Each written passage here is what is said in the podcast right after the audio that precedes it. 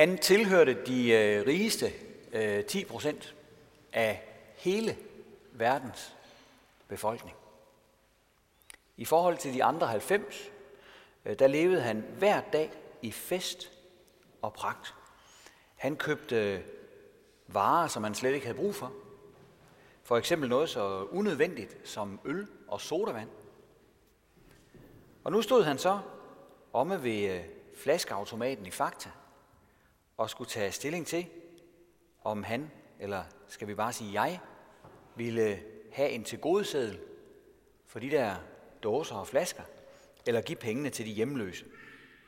Det var en rigtig svær afgørelse. Øh, men de hjemløse fik øh, 30 kroner og 50 øre af min overflod.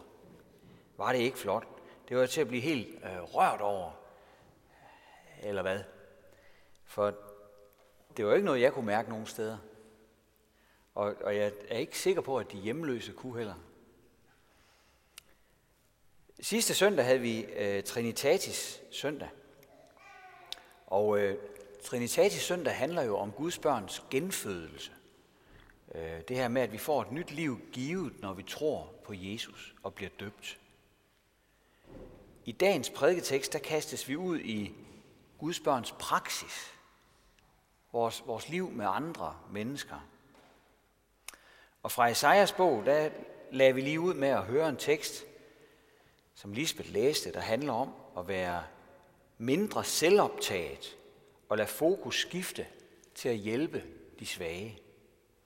Det kommer der velsignelser ud af, står der. Dit lys skal bryde frem. Herren vil høre dig, når du beder. Gud vil lede dig. Gud vil styrke dig, fordi du tænker på den, der har behov, og ikke lader det blive tanken. Og med evangelieteksten, som vi lige har hørt, der går Jesus jo lige i struben på den egoistiske materialisme og nydelsessyge. Det er sådan med begge de to tekster, at det er egentlig så oplagt for os spontant bare at, øh, at hæppe på øh, Esajas og Jesus. Det er bare i orden, at de der øh, velnærede jøder nede i Jerusalem, som Esajas han skriver til, at de får tørt på, de går der og sætter sig selv i scene og spiller fromme. Det er så fint. Gud han, øh, han vrænger af deres øh, hjemmelavede fromhed. De øh, faster og gør ved, men Gud vil noget helt andet. Han vil, at de skal tjene deres nødlidende næste. Og det er også fint på ham, øh, rigmanden der, at han får en ordentlig en over nakken, sådan som han Øh, gik og hyggede sig bag lukkede døre, og der lå en en stakkels fattig syg mand lige udenfor. Bare giv dem en på frakken, Esajas og Jesus. Bare slå til. Det er egentlig rart sådan at være, at være fornærmet på nogen. Det er endnu bedre at være fornærmet i flok, det, det passer jo godt til, øh, til vores Facebook-tider. Men hvis vi sådan begynder at tænke efter, hvad det er, der står i de her tekster, men så er dagens budskab en enorm udfordring for ganske almindelige, velstillede danskere. Vores befolkning er næsten alle sammen med i en lille bitte eksklusiv klub her på jorden, som lever hver dag i lyst og pragt. Lyst, det er jo underholdning, og pragt, det er luksus. Og vi har masser af begge dele, meget mere end flertallet af mennesker på denne jord. I Danmark, der har Jesu formaninger om det her ansvar for den svage øh, været noget, som man simpelthen øh, fik lært som barn gennem tusind år. Og det er derfor, et socialt system begyndte at vokse frem. Tilbage i vikingetiden, der var de svage og handicappede uden rettigheder. Det var nogen, man, man sådan holdt, øh, man holdt dem på afstand. De var en belastning, klodser om benet, Øh, og man skaffede sig simpelthen af med dem, hvis man kunne. Men da kristendommen kom til landet, så begyndte munkene at sørge for disse mennesker. De så på dem som medmennesker, og på den måde der kunne svage og syge også begynde at få brød på bordet og hjælp til en mere fornuftig hverdag. Og sådan har det været siden, når der er så kommet politikere til, og der er kommet skattevæsen til, og det har faktisk fungeret temmelig godt i mange år. Det var et kvalitetsstempel og en ære for en stat, at den havde et ordentligt system, når det galt om omsorgen for de svageste grupper. Men så er det som om i de senere år, at det er begyndt at ændre sig det her. Det er som om, øh, at historien den er ved at blive rullet tilbage. Er det ikke det? De syge og svage bliver nogen, der skal sådan holdes lidt fra døren. Nogen, der skal skæres ned på. Der er en tysk øh, redaktør, Heinrich Gieselberger. Han har udgivet en bog, der hedder Den store regression. Og en regression, det betyder jo, at der er noget, der ligesom går baglæns i udvikling. At der er noget, hvor det, ja, hvor det går tilbage i stedet for at gå fremad. Og det mener han, at det gør med Vesten i de her år. Geiselberger viser, at vi i disse år vender tilbage til en primitiv, egoistisk og barnlig måde at organisere os på. Det civiliserede samfund er ved at blive afciviliseret, siger han. For hvor det før var et ideal at beherske sig, og et ideal at forpligte sig, så er det i dag mere på mode at kæmpe for sig selv og sine egne lyster. Altså at kæmpe for et nemt liv i lyst og pragt, ligesom den rige mand i Jesu historie gjorde. Med andre ord, skurken fra den gang er blevet en slags held i dag. Så selvom vi forhåbentlig betaler vores skat med glæde, så kommer vi ikke udenom at tale vores sociale ansvar op i dag, når vi har sådan en tekst foran os. Når nu overskuddet på statens finanser i 2022 var rekordhøjt, det har simpelthen aldrig været højere. Hvorfor skal familier med handicappede børn så mangle hjælp, som de har brug for? Hvordan kan det være?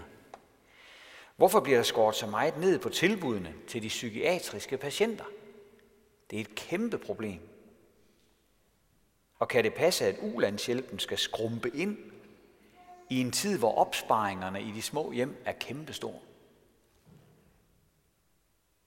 Og hvordan er vi pludselig havnet i alle de lappeløsninger, der pludselig popper op igen? Jeg tænker på sådan noget som den her knap øh, på flaskeautomaten, hvor nogle småpenge bliver sendt i den ene retning eller den anden retning. Det flytter ingenting. Jeg tænker på øh, bladsælgere, der står ved supermarkedet. Jeg tænker på tiggere på gaden. Der var aldrig før, øh, førhen var der aldrig tiggere på gaden. Hvorfor er der det nu? Er vi på vej til, øh, til sådan et, et barbari? Er vi på vej mod øh, alle mod alle? Ligesom i vikingetiden, eller hvad? De der øh, femmer og tiger, som vi øh, bytter rundt på, og, og Facebook-indsamling til enkelt personer i Nørre Snede og sådan noget, det ændrer jo ingenting i det store billede. Det minder om noget fra meget, meget gamle dage. I stedet så skulle vi tage at lade os inspirere af Jesus som samfund. Vi er ved at blive afciviliseret, og i stedet så skulle vi lade os gencivilisere. Man siger, at det sidste område, mennesker bliver omvendt på, er pengepungen. Det er jo også en udfordring til os selv som privatpersoner. Vi vil gerne gå i kirke. Vi vil gerne det kristne fællesskab. Vi vil gerne lovsangen. Vi vil gerne musikken. Vi vil gerne bønderne. Og vi vil også gerne dele evangeliet om Jesus med andre, hvis der er nogen, der vil høre. Men vores penge, dem vil vi have for os selv. Dem skal ingen blande sig i. Hverken Gud eller mennesker. Er det sådan, det er? For så giver, så giver Jesus os lektier for i dag. Det gør han. Den, der elsker Gud, skal også elske sin bror siger apostlen i den anden tekst, vi hørte. Og vi elsker, fordi han elskede os først. Og der mangler jo ikke gode formål at sende penge til. De gode formål modtager generelt mindre og mindre. Der er et eller andet, vi skal have fat i igen her. Det er en af hovedsagerne, Jesus tager op i dag. Og en anden stor pointe i hans fortælling er, at at vi bliver frelst ganske gratis. At det er Guds nåde og kærlighed alene, som er vejen til det evige liv. Det øh, hørte vi også sidste søndag, hvor Jesus forklarede, hvad han var kommet til jorden for at gøre.